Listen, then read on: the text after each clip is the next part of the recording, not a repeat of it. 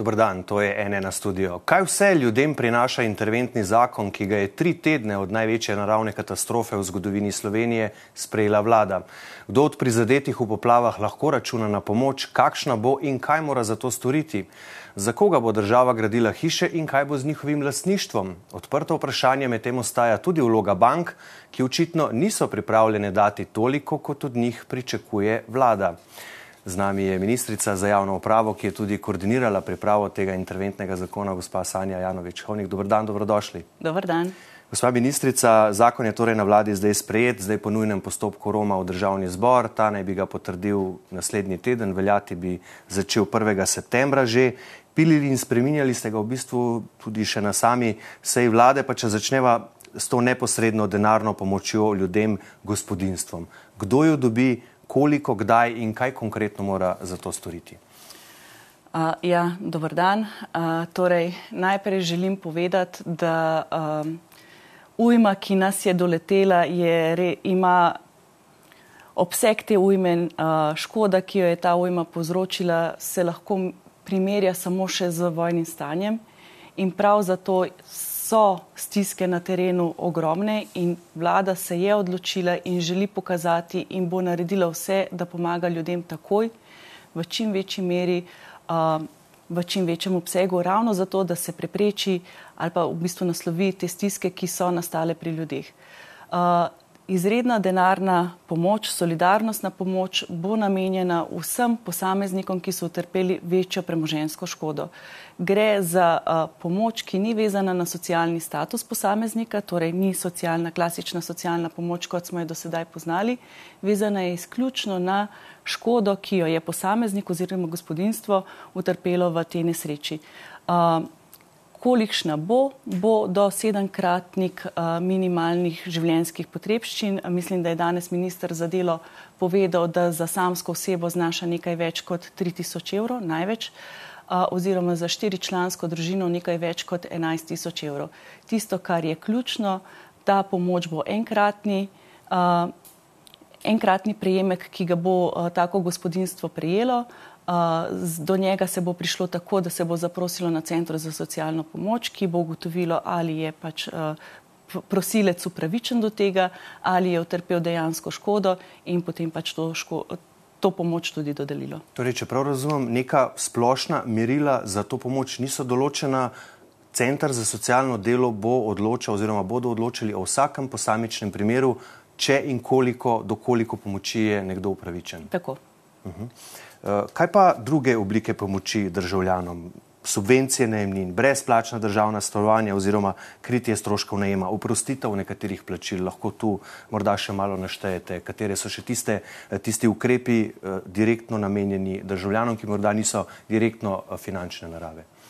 Uh, oprostitev plačila vrca, naprimer, uh, če otrok ni mogel oziroma ne bo mogel uh, obiskovati vrca. Oprostitev plačila kosil recimo, in malic v šolah eh, za družine, za otroke, ki so utrpeli v te uh, ujmi. Potem oprostitev plačila domske oskrbe za začasne namestitve,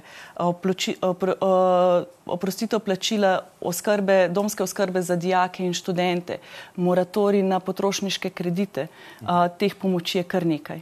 Da, in v bistvu so vsa tudi že tu uh, na voljo na naši spletni strani enena.info.si, tako da priporočam tudi uh, ljudem, da si jih pogledajo. Da. Mogoče tudi na tem mestu solidarnostna pomoč, ki jo uh, poznamo iz kolektivnih pogodb, različnih kolektivnih pogodb, se tokrat širi tudi na tiste dejavnosti, naprimer na samozaposlene v kulturi, ki kolektivnih pogodb nimajo. Torej, tudi solidarnostna pomoč, enkratna solidarnostna pomoč je predvidena s tem interventnim zakonom najši, z najširšo osnovo, torej za vse tiste, ki do tega do sedaj niso mogli dostopati.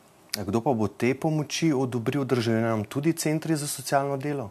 Uh, mislim, da pristojna ministrstva gre za uh, gre za tiste poklice, dejavnosti, ki se tudi sicer financirajo preko ministrstva, recimo samo zaposleni v kulturi, prispevke uh, za, v teh primerjih plačuje Ministrstvo za kulturo in v tem primeru bo tudi solidarnostno pomoč Ministrstvo za kulturo izplačalo. In pri kmetih kmetijsko ministrstvo tako. in tako naprej. Tako. Uh -huh, uh -huh. uh, dokdaj bodo v bistvu ti ukrepi pomoči uh, veljali, gospa ministrica, samo do konca tega leta ali se bodo morda kakšni ukrepi lahko podaljšali potem tudi v prihodnje leto? Večina ukrepov je dejansko interventnih začasnih in bodo veljali do konca letošnjega leta. Nekaj, naprimer odstop od zakona o javnem naročanju, bo veljal do 30. marca prihodnje leto. Naprimer izjema oziroma pohitritev zaposlitvenih postopkov za tujce, ki prihajajo iz nevizonskih držav, pa do konca avgusta prihodnjega leta. Torej zelo različno, ampak je pa mišljeno, da ta zakon ima rok trajanja, če smem tako reči, torej da je začasni zakon, ker vendarle gre za interventni zakon in takoj po sprejemu tega zakona se bomo lotili pri, priprave a, zakona za sanacijo in obnovo, ki pa bo bolj sistemske narave in bo dejansko namenjen dolgoročnim rešitvam. In k temu zakonu še prideva. Veliko razprav je bilo o vlogi bank.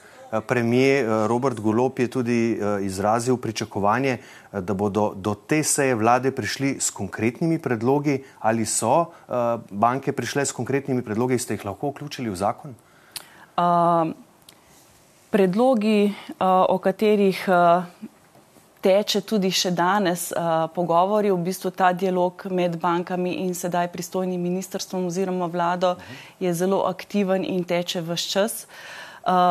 Od teh predlogov je vključen ta moratorij na potrošniške kredite, pa niti ne zato, ker banke ne bi želele dajati teh moratorijev po zagotovilih Združenja bank Slovenije. Že tako vse banke do sedaj, v vseh primerjih do danes, so ta moratorij odobrile, ampak bolj iz tega zaradi tega občutka, da se da ljudem dejansko zagotovilo, da do moratorija bo prišlo, ampak vsi ostali ukrepi, za katere pač uh, je predvideno, da bi banke jih lahko izvajale in izvedle v odnosu do intervencijskih ukrepov oziroma potem same obnove, pa pogovori tečejo in mislim, da je preuranjeno o tem v javnosti govoriti. Ja, uh, tudi predsednik vlade je že kar nekaj v bistvu govoril o tem, eh, pa vendarle direktorica Združenja bank Slovenije Stanislava Zadravecka prirolo je za delo recimo povedala, da načrtuje ugodna dolgoročna posojila za obnovo domov po fiksni 3 odstotni obrestni meri in s poroštvom države. Potem navajajo točno to, kar ste vi eh, tudi omenili, zakonsko ureditev moratorijev na odplačilo dolgov. Na mizi je tudi predlog za ugodnejša dolgoročna potrošniška posojila prizadetim recimo za nakupe avtomobilov in stanovanske opreme obdavčitvi dobičkov, kar se je tudi eh, kar govorilo, pa nasprotujejo in pravijo, najraje prispeva celotno gospodarstvo. Finančni minister Klemen Boštjančič to komentira, smo zadovoljni, pozdravljamo, vendar to še ni dovolj. Kaj torej še v bistvu pričakujete od njih? Danes je finančni minister tudi povedal, da je vsaj največja banka napovedala dvig uh, depozitnih obrestnih mer. Da. Torej, tudi tu so banke prostovoljno predlagale eden od možnih ukrepov. Uh, jaz bom tako rekla, gledajte, ta škoda, prve ocene ali pa nekatere ocene, o katerih je tudi danes finančni minister govoril, gredo v nekaj milijard. Govoril je o petih milijardah. Možno, da, bodo, da bo na koncu ta škoda še višja gre za tako veliko škodo, da je nerealno pričakovati, da kdo v tej družbi ne bo prispeval. Dejstvo je, da bomo za odpravo posledic te naravne nesreče morali solidarno prispevati vsi kakšen pa bo mehanizem vzvod, da bomo vsi skupaj prispevali, je pa stvar debate. Mi si prizadevamo in želimo, da je ta prispevek prostovoljni v čim večji meri. Tudi zato so naši interventni ukrepi naravnani v to smer, torej omogočamo neke vrste donacij. Tudi sami potem sistemski ukrepi, torej sklad za obnovo Slovenije bo pre, ne, eden od virov bodo možni tudi donacije, ne samo fizičnih, tudi pravnih oseb, ki bodo bolj spodbujani in potem tudi verjetno na drugačen način davčno obravnavani. Ampak dejstvo je, da bomo vsi morali prispevati za obnovo Slovenije, če bomo dejansko želeli a, tako veliko količino denarja zagotoviti in odpraviti vse te posledice, ki danes so ne, ne samo pri ljudeh, tudi na javni infrastrukturi, a, tudi pri občinah tudi v gospodarstvu. Ja, samo morda za kontekst, ne, če je res 5 milijard škode ali pa morda še več, ne, eh, odho vsi odhodki letošnjega proračuna po zadnjem rebalansu pred katastrofo so bili 16 milijard. Ne. Eh, tako da morda eh, za občutek, ne, za kakšno škodo gre. Ob tem pa Združenje bank, to, kar ste rekli, ne, ta državni sklad, Združenje bank glede tega sporoča, da so poslali dodaten predlog možnega dodatnega solidarnostnega prispevka v ta namenski državni sklad za obnovo škode. Eh, tu govorimo o deležu skupne bilančne vsote. Banke bi neuradno prispevale desetino odstotka bilančne vsote, kar bi v sklad prineslo okoli 50 milijonov evrov. Premijer Golop na drugi strani po informacijah, ki jih imamo, pričakuje en odstotek, torej 500 milijonov. To je kar, bi rekel, velik razkorak. Bo vlada torej ustrajala pri tej številki 500 milijonov? Glede, jaz eh, o številki, koliko vlada pričakuje, da bo uh, dobila od bančnega sektorja, če želite, ne bi špekulirala. Uh, te pogovori tečejo, so, so zelo intenzivni in pričakujem, da na koncu uh, bo doseženo soglasje tudi glede prispevka bančnega sektorja za odpravo in sanacijo te škode. Ja, je pa kar jasno, da s temi ponujenimi 50 milijoni vlada zaenkrat ni zadovoljna. To tudi izhaja iz besed finančnega ministra. Kaj pa ta eh, pereča tema, bom rekel, obdavčitev izrednih dobičkov bank. Ne? Po podatkih Banke Slovenije so poslovne banke uh, v Sloveniji v prvem polletju letošnjega leta ustvarile 467 milijonov evrov čistega dobička, kar je uh, za 145 odstotkov oziroma dobrih 276 milijonov več kot v enakem obdobju lani to obdavčitev odločno podpirajo vse koalicijske stranke, tudi vaša svoboda, eh, pa tudi opozicija. Eh, gre za politični populizem, banke nismo vojni dobičkari, pravi Blaž Brodnjak, prvi mož eh, NLB. Ali so banke po vaše vojni dobičkari in ali to obdavčitev podpira tudi vlada? A, še enkrat, razprava o tem, kako in koliko bo bančni sektor a, prispeval za obnovo, je aktivna. Torej, uh, vlada seveda ima neka pričakovanja, je pa treba upoštevati tudi bančno regulativo in že samo napoved največje banke, da bo depozitne obrestne mere dvignila, uh, kaže, da ti pogovori tečejo v pravo smer. No, ampak uh, vi ste tudi vidna, ena od rekel, najbolj vidnih članic Gibanja Svoboda. Ta stranka je zelo jasno povedala, tudi poslanci vaše stranke že vršijo javni pritisk na finančno ministrstvo, na vlado, naj to stori ne mudoma. Torej, uh, ali je to tu neka diskrepanca med stališčem stranke Gibanja Svoboda in samo vlado, ki očitno tu ostaja pri tem vprašanju zelo previdna?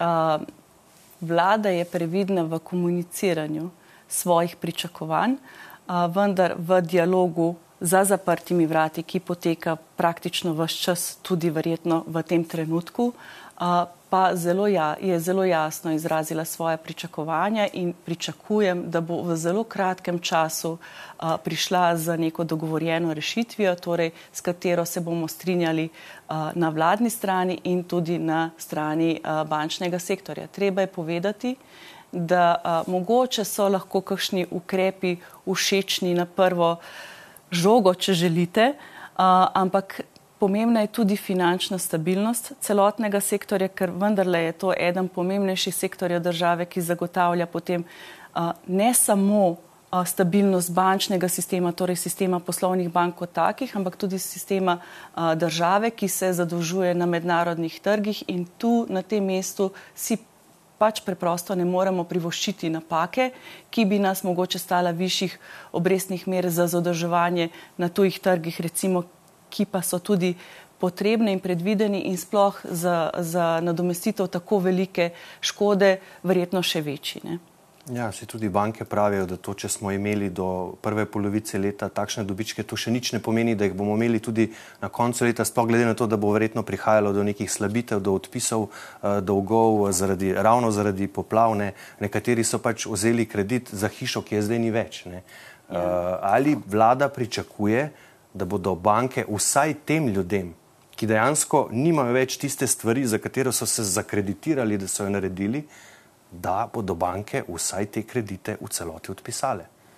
Uh, pričakovanja vlade so velika v, do bančnega sektorja, vendar, kot ste sami povedali, ta sektor je ustvarjal dobičke, tudi ekstra dobičke, torej ocenjujemo, da bančni sistem dobro deluje, dobičkonosno deluje. Torej, uh, in če govorimo o solidarnosti in o tem, da vsak, prisip, vsak med nami, vsak deležnik te družbe prispeva po svojih zmogljivosti, lahko tu ugotovimo, da bančni sektor nekaj teh zmogljivosti vendar ima. Uh, definitivno bomo iskali rešitve prav za posameznike, za primere, kot ste jih vi opisali.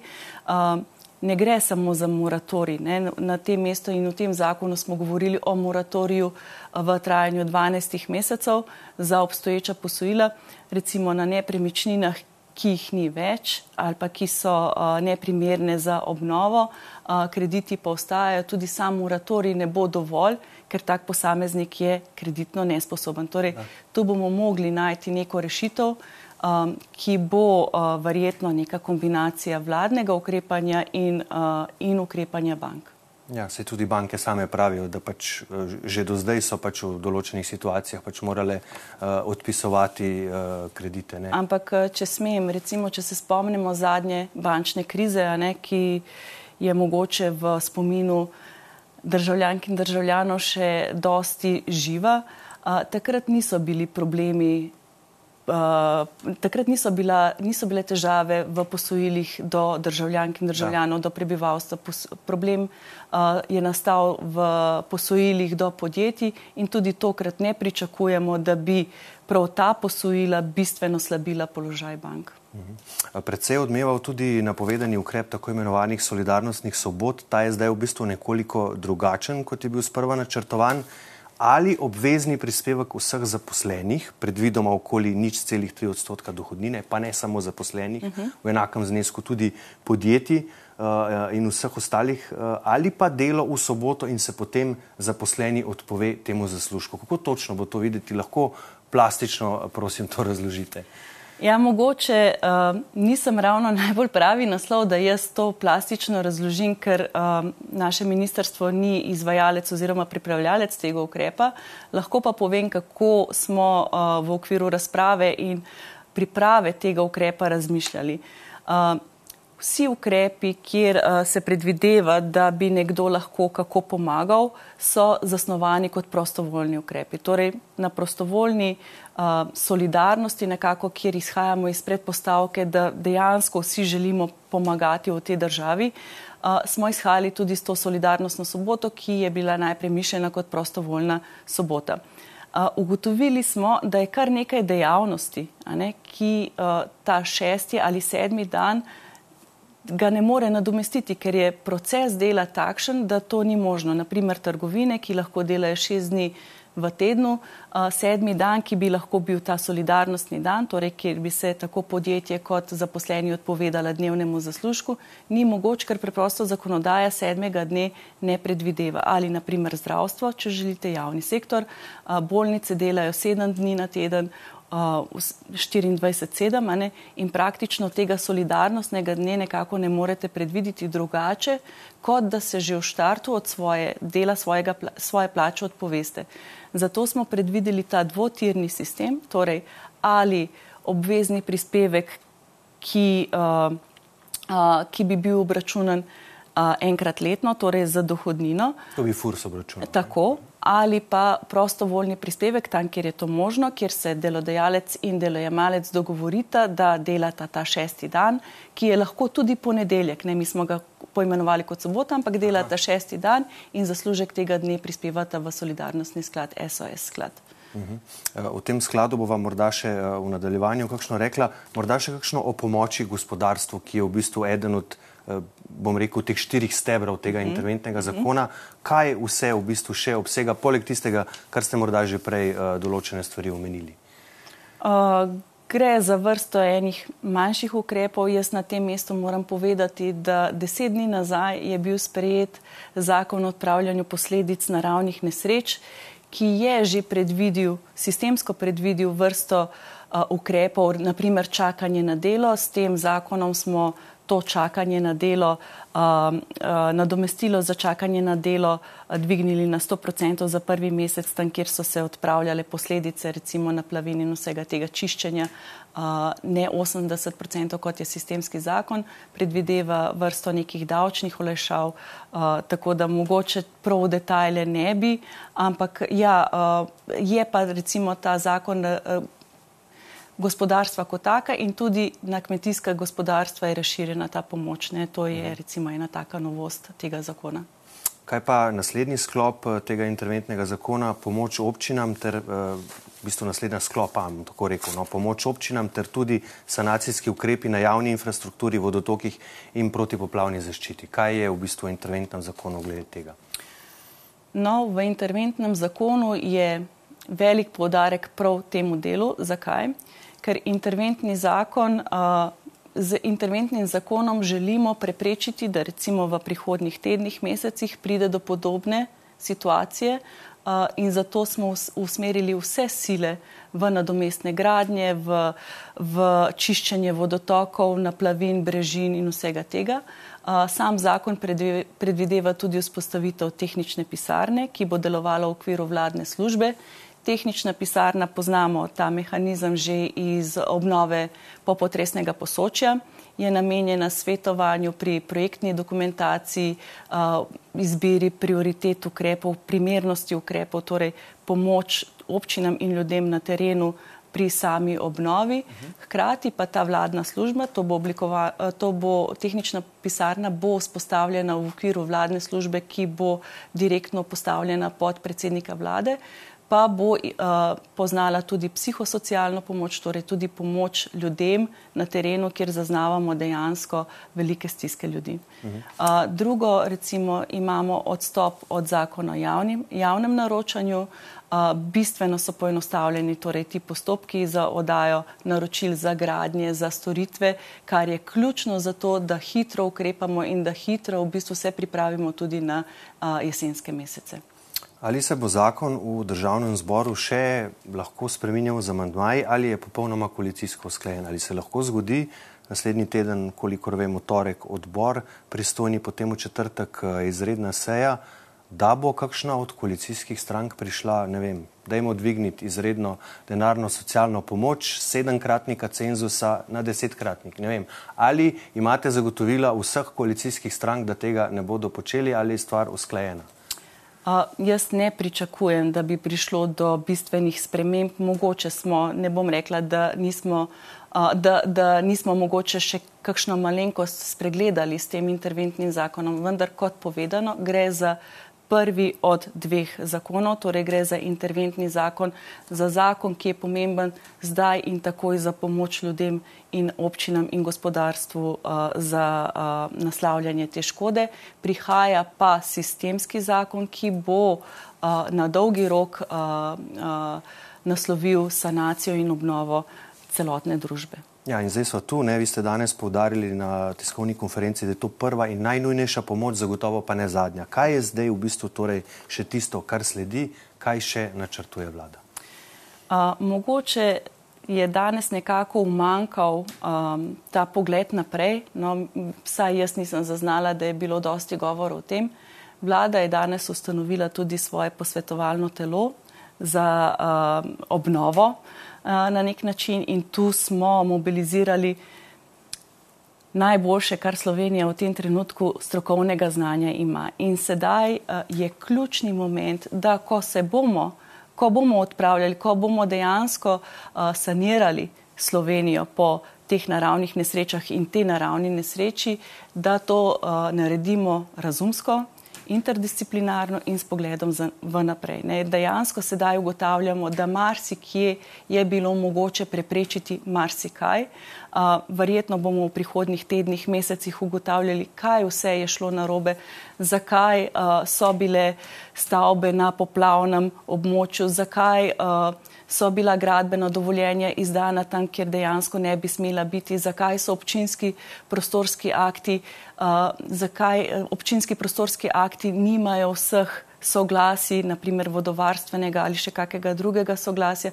Torej, ko bomo sanirali, ko se bomo postavljali na noge, je to zelo pomembno, da počnemo najprej s pogledom naprej v razvoj, torej, uh, da, da svojo infrastrukturo postavimo na trajnostni način in tudi, da se zavemo, da podnebne spremembe so tu. In tisto, kar je lekcija, ki smo se jo tokrat, upam, res naučili, je, da je človek v odnosu do narave resnično šipkejši člen in te bitke, te vojne z naravo mi pač ne moremo dobiti. Torej, moramo se naučiti živeti s podnebnimi spremembami, graditi tako, da bomo kos podnebnim spremembam in hkrati tudi naslavljati podnebne spremembe in se ustrezno odzivati. Uh, ja, v bistvu so to lekcijo dobili tudi tisti, ki recimo niso zavarovali svojih hiš. Uh, kar veliko jih je takšnih, ki niso imeli zavarovanega svojega premoženja. Je pa res, da nekateri ali pa vsaj mnogi na poplavnih območjih dejansko niso niti mogli zavarovati svojega imetja, ravno zato, ker so imeli vse na poplavnem območju. Ali za te ljudi, ki recimo niso imeli zavarovanih stvari, pa so hudo prizadeti, tudi vlada za njih načrtuje kakšno, ne vem, dodatno posebno pomoč. Vlada bo naredila vse, da pomaga ljudem na terenu. Sigurno bo razlika v pomoči, ki jo bodo deležni posamezniki, ki so ravnali preventivno že sami po sebi, ampak ne bomo pustili na cedilu pa tistih, ki teh zavarovanj niso imeli. Ne. To naloga države je, da ponudi varnostno mrežo takrat, ko je posamezniki pa če so to uh, posamezniki ljudje ali gospodarstvo, podjetja potrebujejo. No, zato imamo državo. Bi pa mogoče na tem mestu povedala, da situacije na terenu so zelo različne. Ne. Mnogokrat slišite in vidite, da recimo, ne vem, hiša je bila zavarovana proti požarno in proti potresno, ni bila zavarovana proti poplavno, recimo za meteorne vode, pa lastnik hiše tega niti ni vedel. On je imel zavarovano hišo. Torej, tudi tu, tudi na področju informiranja ne, in izobraževanja posameznikov bomo morali narediti marsikaj. Uh, poznam pa tudi primer, recimo, kjer je bilo izdano gradbeno dovoljenje na izključno željo podjetja, ki je vedelo, da gradi na poplavnem območju. Torej, uh, imamo zelo raznovrstne situacije. Ja, uh, kolikor vem, vsaj takšne informacije iz vlade imamo, da uh, po tem interventnem zakonu in obrobu priprave zakona o obnovi uh, se boste v bistvu tudi posvečali individualnim primerom, ki so najbolj prizadeti. Teh je do tisoč po trenutnih vladnih ocenah, kaj morda lahko pričakujejo, torej to so večinoma tisti, ki dejansko več nimajo ničesar, ki jim je odneslo ne samo hišo, nekaterim je tudi parcelo odneslo. Ne. Tista uh, v Prevaljah, ne, uh, Fužirjeva hiša, tam niti parcele ni več. Mm. Uh, vlada naj bi se tudi individualno lotevala teh primerov. Kako?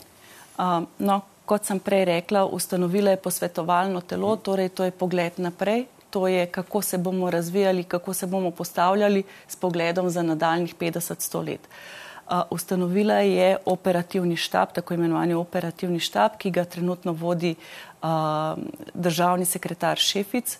To je štab, ki bo medresorsko koordiniral različne ukrepe in tudi ustanovitev zdaj te nove vladne službe, ki kot rečeno na eni strani bo imela tehnično pisarno, ki bo ljudem in podjetjem in občinam svetovala na terenu, na drugi strani vsaj psihosocialno pomoč, pa verjetno še kaj. Ampak kot rečeno, Z zakonom vi lahko predvidite sistemske zadeve, torej sistem. Individualne primere je pa potrebno individualno reševati na licu mesta ne, in v bistvu pripravljati ukrepe in odzive, ki so custom made, na nek način, ki so pisani na kožo posameznika in odgovarjajo točno tisti dani situaciji, v kateri se je posameznik našel. Ne, ker, to bo delala ta, eh, ta služba vladna? Tudi v koordinaciji s Centrom za socialno delo, ker Centr za socialno delo je pa vendarle tista služba, ki jo že danes imamo, namenjena prav individualnim obravnavam posameznikov. Mhm. Premijer Golop je v bistvu že javno napovedal nadomestno gradnjo montažnih hiš, Kdaj naj bi država začela s tem in ali bo poleg pravice dobivanja zagotovila tudi lastniško ali ne?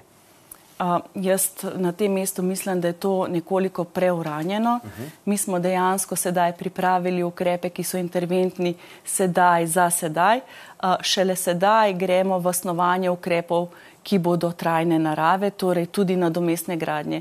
Ključno tu bo, kje se bodo te nadomestne gradnje dejansko uh, izvedle, kje bodo te nadomestne gradnje postavljene in jaz tu vidim veliko vlogo posvetovalnega telesa, torej tega strokovnega telesa, ki bo povedalo, kje je primerno graditi in zakaj je tam primerno graditi, ne? da se nam ne bo čez nekaj let ali pa desetletji ponovila ta ista zgodba. Uh -huh.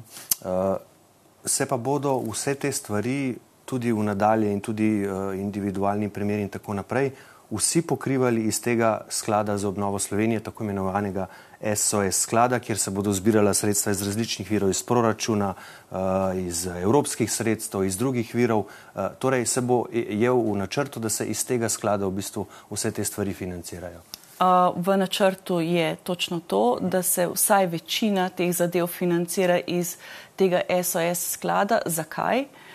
Mi smo se danes veliko časa pogovarjali o transparentnosti ključno bo, da se transparentno popiše nastala škoda, da je to dostopno vsem. Uh, zakaj? Zato, da če recimo vem, vaša babica ni znala prijaviti nastalo škodo, vi pa vidite, da je tam mogoče bila poplava in da je verjetno neka škoda nastala, lahko opomnete, spomnete, po, pozovete pristojne, da tudi tam uh, ukrepajo. In na drugi strani, uh, sama poraba sredstev, ne, govorimo o zelo visoki vrednosti teh sredstev. Ne, zdaj, če bo, se bomo ustavili pri petih milijardah, uh, bomo videli, ampak sama poraba teh sredstev kliče po transparentnosti in to je ključno. In tak sklad, v katerega se bodo stekala proračunska sredstva, evropska sredstva, verjetno še kakšna posojila uh, razvojnih bank, recimo EBRD ali ECB ali EIB ali uh, ne vem, donacije uh, tujcev, donacije slovencev v zamejstvu, v tujini, recimo ne, slovenskih podjetij. A tudi to, kar bo ta obvezni prispevek oziroma solidarnostna sobota? Bo šlo v ta sklad. Je ključno, da se zagotovi, da na eni strani vemo, koliko denarja smo zbrali in koliko denarja iz tega sklada porabili in za kakšen namen. Torej, prav zato ocenjujemo, da je sklad primerna oblika, pa tudi verjetno za razvoj še kakšnih uh, inštrumentov. Danes je bilo govora o državnih obveznicah, tudi ja. to so vse inštrumenti, ki, o katerih uh, se razmišlja, se išče način o primernosti, tudi izdaje in vsega tega. Torej je primerno, da so vsi ti inštrumenti, ki bodo na voljo v danem momentu, transparentno prikazani in potem tudi transparentno prikazana poraba teh sredstev. Zakaj pa se je ustanovitveni akt o tem skladu zamaknil zdaj za dva meseca? Zakaj v bistvu rabite še ta dva dodatna meseca časa, da do tega pride? V zakonu piše do dva meseca, a, ravno zaradi tega, ker želimo res dejansko predvideti vse možne situacije in tudi videti organizacijsko, kje najlažje, najbolje je tak sklad organizirati. Ne na zadnje, ne bo nepomembno tudi, kam se bo zadolžitev takega sklada štela. Ne, se veste, naslednje leto prične veljati fiskalno da. pravilo in tudi zadolžitev je eden izmed elementov, ki se ušteva v to fiskalno pravilo. Tako da um, nek razmislek v tem trenutku je, da je verjetno najprimernejša SID banka, vendar je tu še mnogo nekih vprašanj, ki jih je treba razrešiti od upravljanja takšnega sklada, nadzora takšnega sklada, oblike sklada, torej ali bo imel podsklade, če želite. Uh mhm. -huh. In uh, res uh, si je mogoče primerno vzeti kakšen dan ali teden več in to pravilno postaviti, kot potem razbijati glavo. Aha, torej, uh, ne, ker premijer Golop je že napovedal, da bo s tem skladom upravljala Sidbanka, torej, čeprav razumem, ta odločitev še ni bila. Je naj, v tem trenutku je to uh mhm. -huh. najprimernejša uh -huh. uh, rešitev.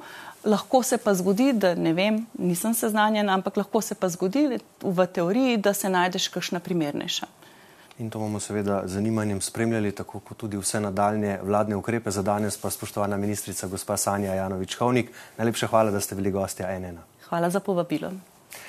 Hvala pa tudi vam za vašo pozornost. Seveda vse podrobnosti o ukrepih, ki so razdeljeni na vseh posameznih ključnih področjih, najdete na naši spletni strani enenainfo.si in si seveda tam preberite vse te ključne članke. Iz studija pa le še lepo zdrav in nasvidenje.